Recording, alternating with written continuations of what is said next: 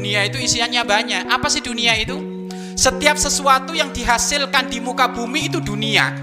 Setiap sesuatu yang dihasilkan ke muka bumi ini, yang dihasilkan di muka bumi ini dunia. Mulai dari apa? Pangkat, jabatan, duit, rumah, mobil, tanah. Ini semuanya dunia.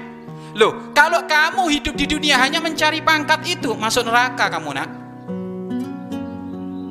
Kamu kalau hidup di dunia hanya mencari fulus, masuk neraka. Masuk neraka. Lalu bagaimana yang benar? Yang benar itu hidup di dunia mencari akhir, akhirat. Hidup di dunia mencari akhirat. Apa tujuanmu hidup di dunia? Hidup di dunia untuk mencari ridho Allah. Akhirat.